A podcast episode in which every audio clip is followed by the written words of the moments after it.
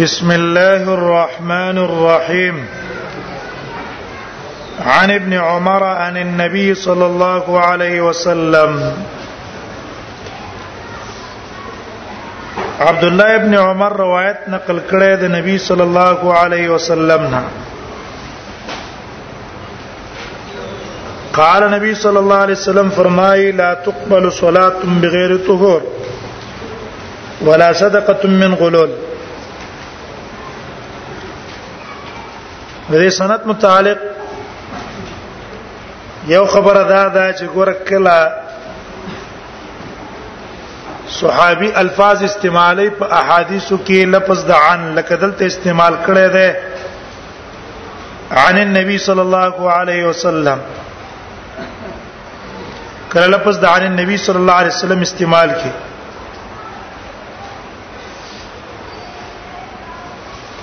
کلا لفظ استعمال کی د سمعت رسول الله صلی الله علیه وسلم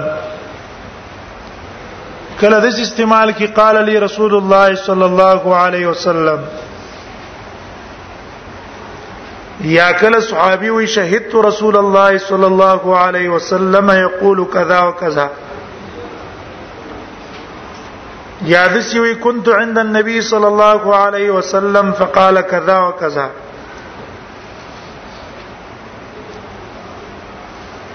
ندا یو صورت شو دویم صورت دا دی چې صحابي وی قال رسول الله رسول الله صلی الله علیه وسلم دې فرمایلی دیو جنا علما وای چې صحابي کم صيغ ادا کی نو بعضی صيغې دي چې دي هغه بالکل صریح دی په اتصال کې او په اوله درجه ده اتصال کې دي اوله درجه د اتصال کې ده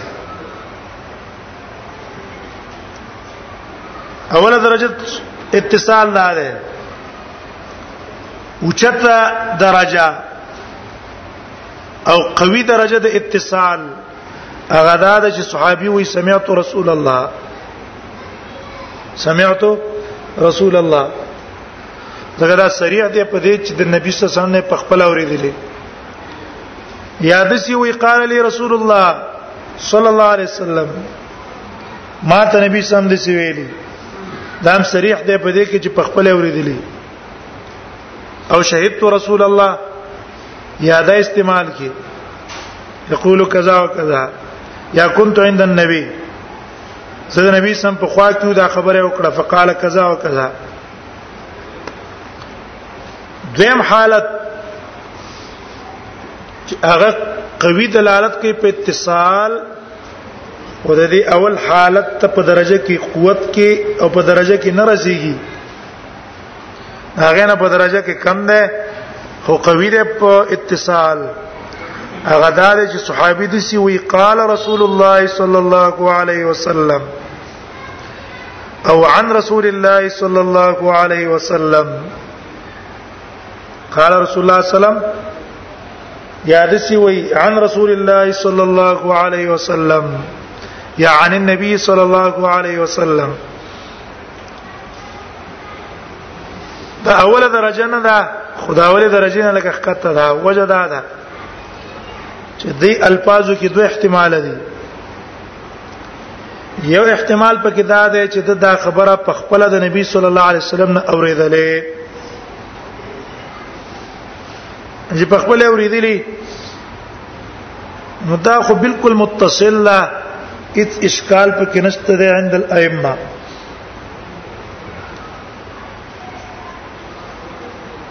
او چا چې دا قول کړه دی چې را قال رسول الله یا عن رسول الله دی باندې جزم په اتصال باندې صحیح نه ده دا قول ضعیف او شاذ دی دې اعتبار نشته بشوي کنه بعض علما دا قول کړه چې قال رسول الله عن رسول الله په دې باندې بصراحتا من قول دسنه کوو اتصال باندې کو ترڅو پورې چې موږ ته پته نه لګی دي چې د رسول الله صلی الله علیه وسلم په خپل اوریدل نه دا قول ضعیف او شاذ دی سیدار چې دا محمول له بسبانه اتصال اولنې احتمال خو بالکل صریح ده چې متصل ده او دویم احتمال هم پکې داشتا دویم احتمال چې کې دې شي د دا په خبر نه اورېدلې د دې بل صحابي نه اورېدلې او د تعالی په استعمال کړی چې قال رسول الله او عن رسول الله د احتمال هم پکې شته کنه لکه مثلا مخکې مونږ ویل چې عبد الله ابن عباس نه 2000 نه زیات روایتونه نقل لري او پټولو کې په خپل رسول الله صلی الله علیه وسلم 50 روایت خپل د نبی صلی الله علیه وسلم 50 اوریدلې نور ټوله په واسطه د صحابه اوریدلې نو کله به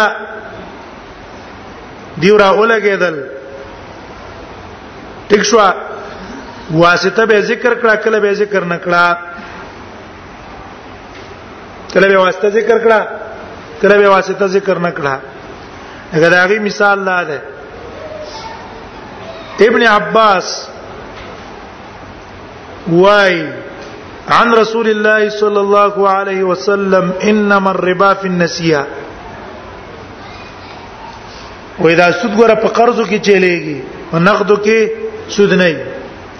د تعالی شی لاس په لاس در کوم تیرا لراکه اگر که جنس یو ده په تفاضل پکې جائز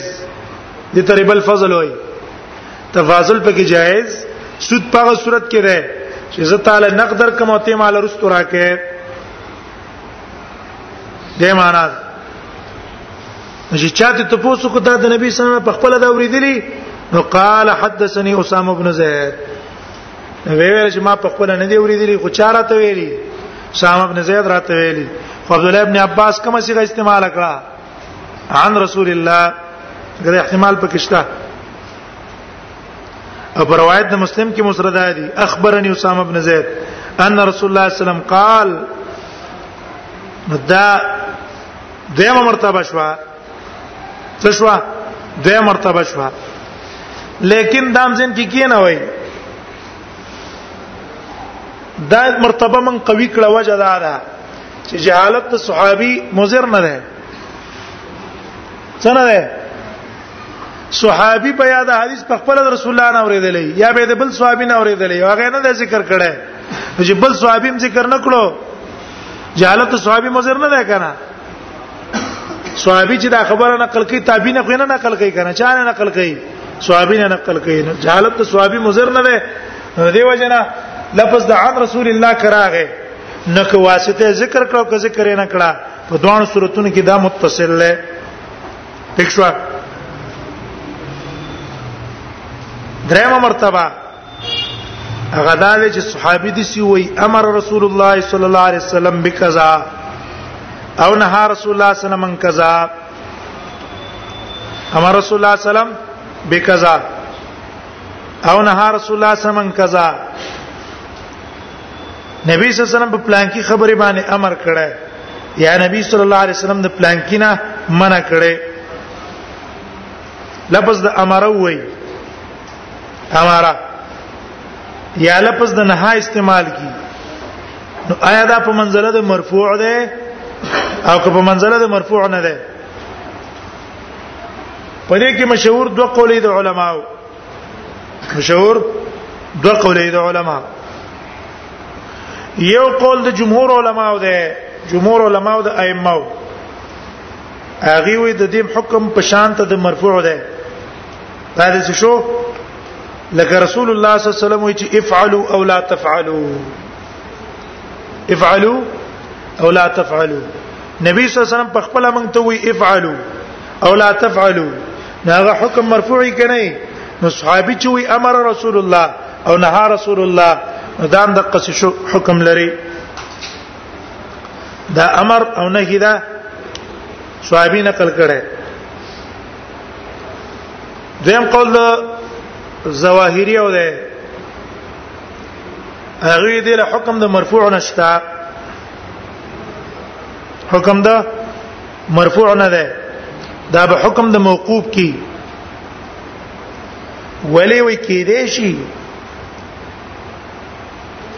صحابي به دا ګمان کړي چې رسول الله په امر کړی دی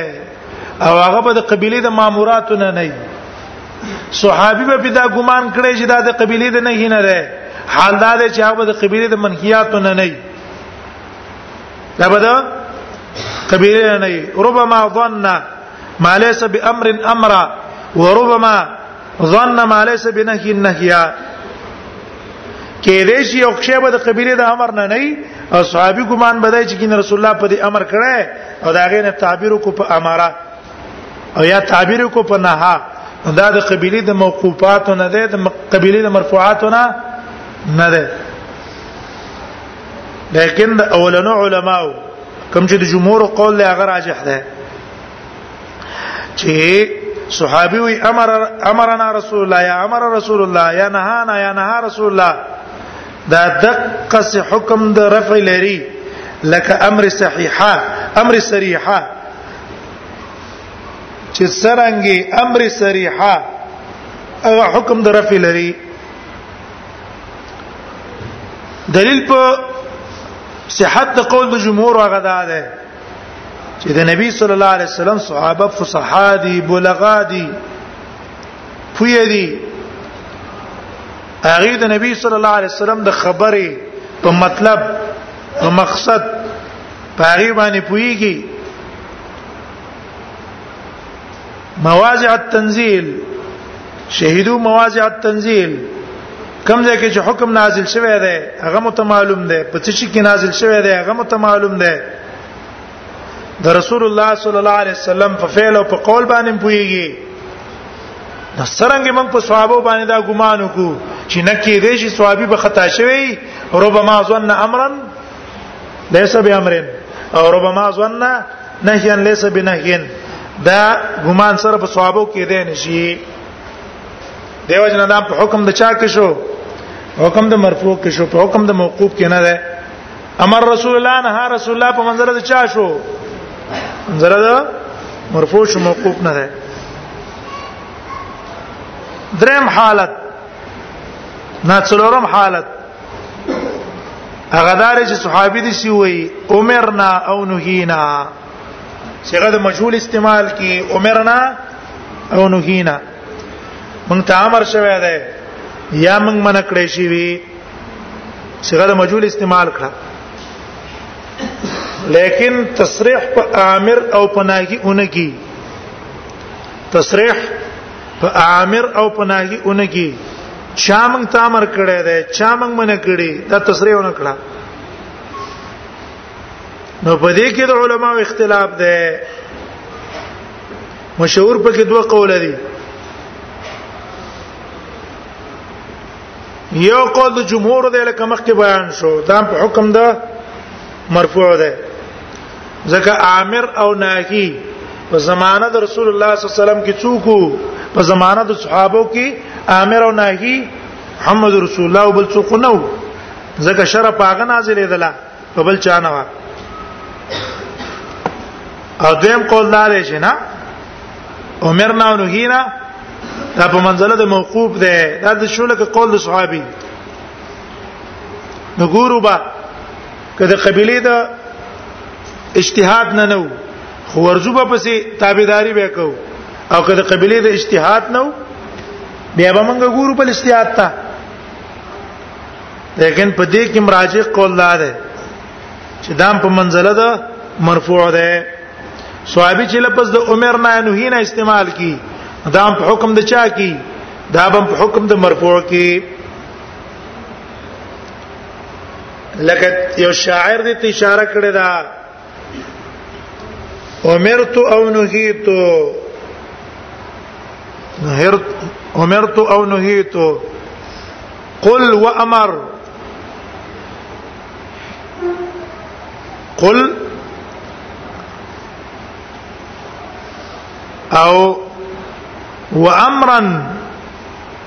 الرفع حكمه على مشتهر وي مشهور دا ادا چې امرت وي کنهیت وي قلنا قال ده قال وامر الرفع حكمه على مشتهر سیدا چې حکم ده دي مشهور ده مشهور نو عن النبي صلى الله عليه وسلم د نبی صلی الله علیه وسلم نه خار نبی صلی الله علیه وسلم فرمای لا تقبل صلاه بغیر طهور ولا صدقه من غلول لا تقبل صلاه وان قبلېږي منځ بغیر طهور بغیر د طهارت نه ولا صدقه نو نه قبلېږي صدقه من غلول د مال حرام نه لا تقبل لا تقبل معنا څه ده لا تقبل الصلاه یا لا يقبل الله صلاه بغیر طهور معنی دا ده چې الله نه قبلې معنی ثواب په نور کوي بلکې کبه بیا د سې باندې مونږ کړو یا د حرام مال نه صدقه ورکړه نو الله به د ثواب په ځای په عذاب ولور کوي په مونږ باندې ولزکه عذاب به ور کوي که قصدر به او د سکړې د به احترامي وکړه استهزاء وکړه په مانزه پوره او استهزاء به صلات باندې سړی مجرم ګرځي یا په کافر کیږي یا مجرم کیږي او د حرام مال نه چې صدقه ورکړي نو زکه ته ثواب نه ملاويږي چې د تصرف کړي په ملک دا غیر کې په غیر د اذن دا غینا او تصرف په ملک د غیر کې په غیر د اذن دا غي او په غیر د وجه شرعي نه دا صحیح نه ده او الله شي لا تقبلو لا يقبلو ته د قبول سمانا ده د قبول دوه معنی دي دوه معنی په احادیثو کې اکثر دا لفظ د قبول چې استعمالي کې نو دوه معنی د پار استعمالي کې یو استعمالي کې په معنا د اصابه الاصابه اصابت څه ته وایي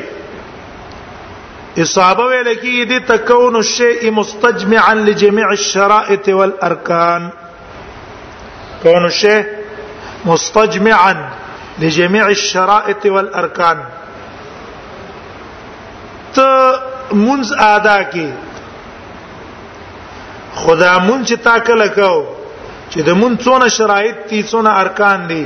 هغه ته پوره او کې او دستم کړي قبله تم د مخ کړي جامم د پاکي کړي زم د پاک ده په خپل ټیم کې ودرېدلې به وخت نه ودرېدلې رکوع سجدا قیام دي سي ادا کو فاتحه دي اولستلا دیتا څونه شرایط او ارکان چې تا تا په کې راجمه کړ کنه زکات ته صدقه دی ورکړه زکات ته ورکړو نصاب در باندې فرض وو حولان حول تیر شو زکات دی ورکو مستحق ته دی ورکو نو مستجمع للشرائط والارکان شو کنه مستجمع للشرائط والارکان او د دې سم مرادف لفظ راځي د صحت مرادف د دې سره راځي صحت تا چې مونږ په دغه شرایط او ارکان سره پوره ادا کو ستا مونږ شو صحیح شو مفتی به تا ته وایي چې مونږ دې صحیح دی قاضي به ته وایي چې مونږ دې صحیح دی باقي خو د الله کار دې ثواب په درکې او کنه درکې خو ستا مونږ شو ماسپخیم کې دا مونږ دې ادا شو ذمہ دې پاره غشوا د دې معنا سماره څه ده سماره نو سماره د فراغ الذمه فی الدنیا د دې په وجه ستا ذمه دنیا کې پاره غشوا دوباره مونږ راګرځول پتا نشتا هغه او دست نه وو نو مونږ یې سینه نه کنه حسابه نه ده شوی ستاسو منه ده پارغه او دست نه وو ذمہ لرنه فارغه نو لا يقبل صلات څه معنا شو معنا دار چې او دست نه وو ارڅونه خسته وکد مونږ دی وکړل خسته وکد مونږ پاکو جامو کې دی وکړو زم پاک دی ارڅ پاک دی خو دست نه شتا ستاده مونږ قبول نه دی قبول څه معنا تا ته پی ذمہ نه فارغه ثواب خلر کا ثواب به تا ته ملاوي شي بلکې ستا ذمہ نه فارغه د مونږ به ته څه کې راګرځي به دا یو معنی شو نو سمرا د دې څه چیرې فراغ الذمه فی الدنیا دویم راضی په معنا د اجابت قبول په حدیثو کې راضی په معنا د اجابت اجابت څه معنا ده اجابت معنا ده وقوع الشيء في حيز مرضات الله تعالى هغه عمل چې تا وکړو الله ستاسو دا عمل قبولم کو اجر او ثواب دل په در کو ټیک د ذمم دی پاره غشوا خو الله په تعالی څه در کړو الله په تعالی اجر او ثواب هم دل در کو د دې سماره څه ده د دوی معنی ثمره او نتیجه هغه د ترتب الثواب علیه فی الاخره ترتب الثواب علیه فی الاخره په آخرت کې به الله تعالی په اجر او ثواب درکړي اوس دا دوه معنی دي او په دې دواړو معنی باندې احادیثو کې استعمال شوی دا ګوره حدیث کې راځي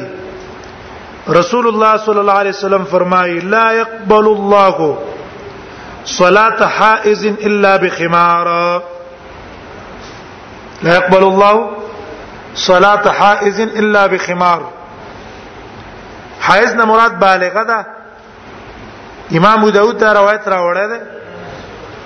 نه قبل الله منځ د بالغ خزه الا بخمار مگر په جوړو کې سر پټ کی ګورل تلپس د قبول لاګه کرانه غه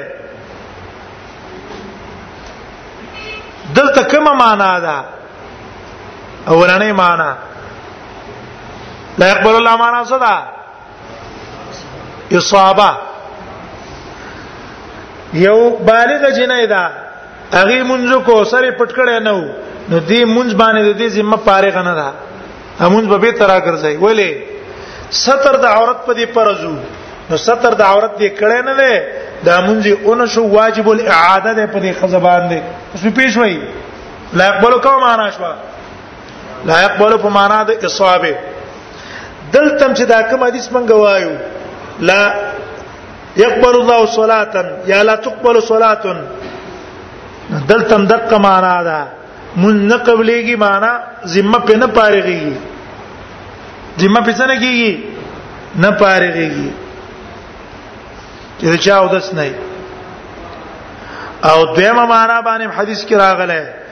رسول الله صلی الله علیه وسلم فرمای من شرب الخمر لم تقبل صلاته 40 ليله چا چې شراب اسکل د د څلويخت ورځې پورې الله مون نه قبلای فان تاب تاب الله عليه ها که توبه وستا الله به توبه قبول کړي او که توبه وینستا مونږ الله څلويخت ورځې پورې نه قبلای امام احمد راوړل یا لا يقبل الله صلاه عبد ابق حتى يرجع غلام دې مالک نه وتختیدو دا غمون الله نه قبلې ترڅو پورې چې خپل مالک ته واپس شوی نه ده دلته د قبول کومې معنی دي معنا ده اجابت دا مطلب نه ده چې چا شراب اوس کل مونږ سي کیږي نه او دا ممون نه کوي ولې څلوخ تو ورځ مونږه عادت پدشتا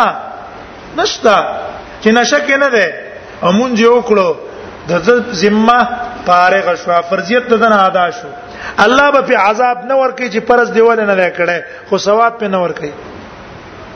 ځپنه کوي ثواب په نه ور کوي څه به شوي دقه سي دا بل حدیث چې کوم نه صلات ابق د دف ذمه خو فارغه شو خو ثواب او تبي ملاويږي نه نو دا قبول په حدیثو کې استعمالي او دا دو معنی دي دي رجا د ټولو چا ترازي دغه دو معنی ته یا په معنا د صحابي یا په معنا د اجا اجابت اوس دا دوه معنی دي په حدیثو کې استعمال شوی دي دواړه معنی حقيقي دي او کنا یو معنی حقيقي ده یو معنی مجازي ده نو د علماو اختلاف ده د علماو اختلاف ده یو قول دا ابن حجر رحم الله ده ابن حجر وای ابن حجر چې دلته لا يقبلو ولا تقبلو چې قران او حديث کې ذکر شي نو حقیقت ته په اجابت کې مجاز ده په اصابت کې حقیقت ته په اجابت کې مجاز دې په اصابت کې څه معنا شرطم چې لفظ د لایق بول استعمال شي نو موږ به کومه معنا کوو موږ به معنا دا کوو لا يقبلو الله تعالی ثواب نور کوي څنور کوي ثواب او چې معنا د نفي د صحت کو دا مجازي معنا د قرینه د وجنه به کو څه د وجنه قرینه د وجنه پوه شوې کنه حقیقت ته پڅ کې اجابت کې مجاز دې په اصابت کې شرط چې معنا د اصابت منګه خلو چې فراغ او ذمه ده مرادب د صحت هغه معنا چې اخلو نو د قرینه د وجنه به اخلو او که قرینه په نوا نو کومه معنا وي معنا د لا یصيب الله ولا په ثواب نه ور کوي هاذه مې په پاره غشوا خو ثواب به تنه ملاوي دا دغه قول ده دویم قول شبیر احمد عثماني صاحب ده او د نور علماو ده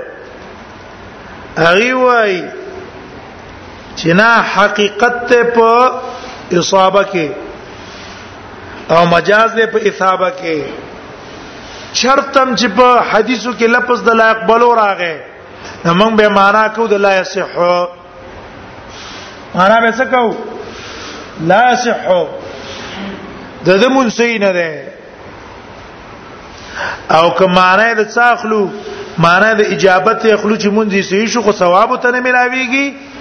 نو دغه معنی مجازي ده دا به د قرینه د وجه نه اخلو څه د وجه نه د قرینه د وجه نه که قرینه و موږ څه پدې چیرې مأمون د عبادت سي شو خو ثواب ته پینې ملاويږي نو د دې قرینه د وجنه به دا معنا اخلو او که قرینه موږ سره موجوده نه و سبکو امانه بنا اخلو نو اصل معنا حقيقي کما ده صحابت معنا د اجابت مجاز دریم قول د ابن الدقیق العید ده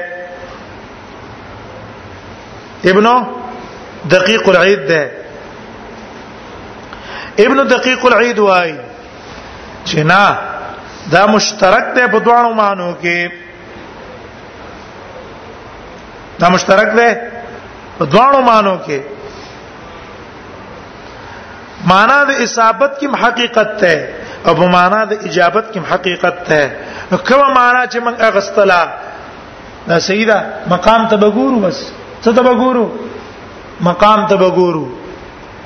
خ مقام دلالت کو په نپی د صحت دا معنی حقیقت ته او کوم مقام دلالت کو په نپی د ثواب چې صحیح شو خو ثواب په نشتا هغه معنی حقیقی ده وس دلته کومه معنی ده نو دلته خو اتفاق ته پدې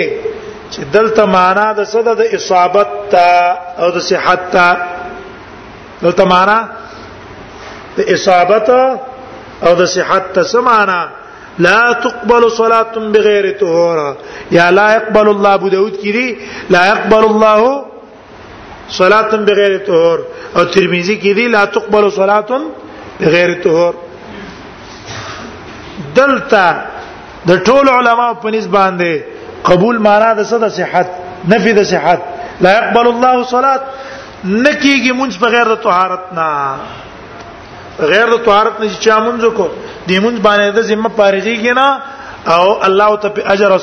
اجر او ثواب خو لري کلره ذمہ په نه پارېږي به ته بدامون څه کوي راګرځي به سو پیش وای دا معنا مراد ده ولی دا معنا مراد ده اجماع د علما مناقضه ده په دې چې طهارت شرط ته د پاره د صحت د صلات طهارت شرط ته د پاره د صحت د صلات نو سره شه ابن دقیق العید باندې خو اعتراض نشته هغه موږ معنی حقيقي واغستا شبیر احمد عثماني یا داغه پرنګ چې کوم نور علما دي هغه باندې اعتراض نشته ځکه معنا حقيقي منغو واغستا لیکن په ابن حجر باندې د اعتراض ده چې ګوره حقيقي معنا خو اصابت نه ده اجابت ته تا دلته معنا د اصابت ولې واغستا هغه معنا حقيقي پرې کوستلا معنا مجازي مواغستلا د وجود وجود د قرینه نه چې قرینه صدا اجماع العلماء على ان الطهاره شرط لصحه الصلاه ټول علما اجماع ده په دې چې طهارت شرط ده لپاره د صحت د صلات دغه اجماع د علما او قرینه ده په دې خبره چې دلته معنا حقيقي مراد نه ده کومه معنا مراد ده معنا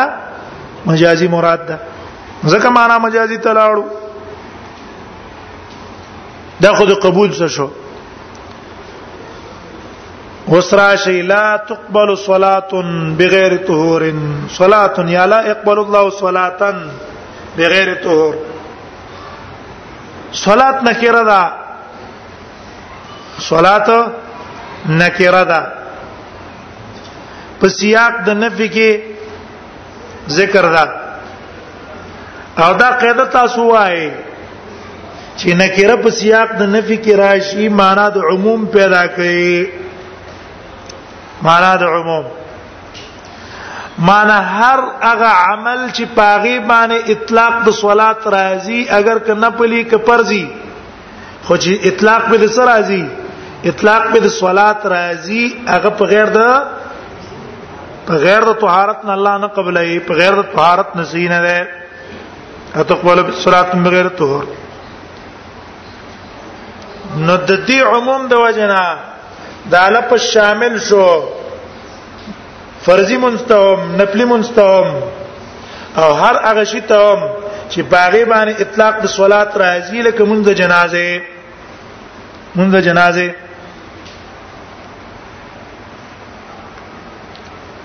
بغیر طهور ول معنی کو بغیر د طهور نه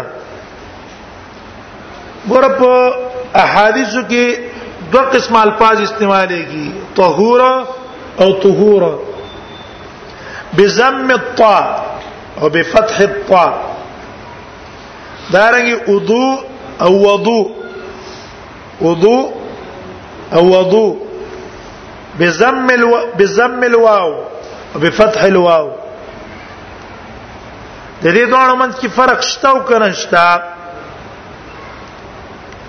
عام علما فرق دا کړه عام علما فرق دا کړه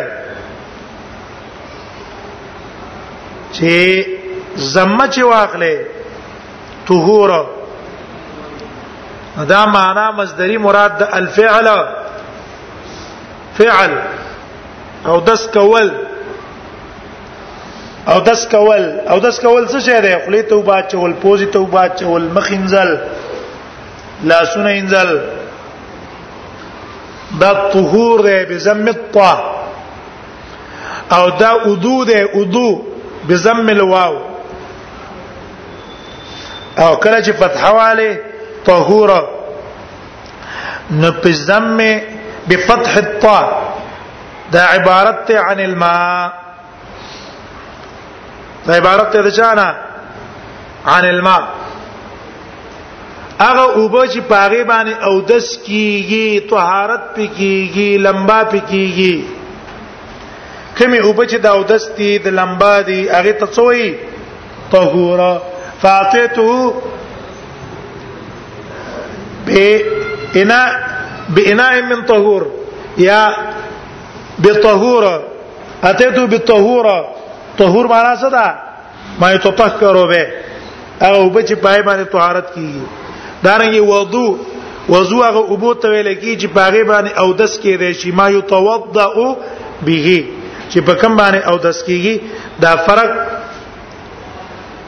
علماء ذکر کړی دی سیوطی سے د سیبیان نقل کړه دا نه ابن الاسیر نه نقل کړه هغه نن د کړه دویم قول سیوطی صاحب نقل کړی د سیبیانا هغه وای چې نه طهور بالفتح یو بالزم نه یو بالفتح ده بالزم صرف دلالت کوي په فعل طهور چاته وای معنا مصدری او دس کول او دس کول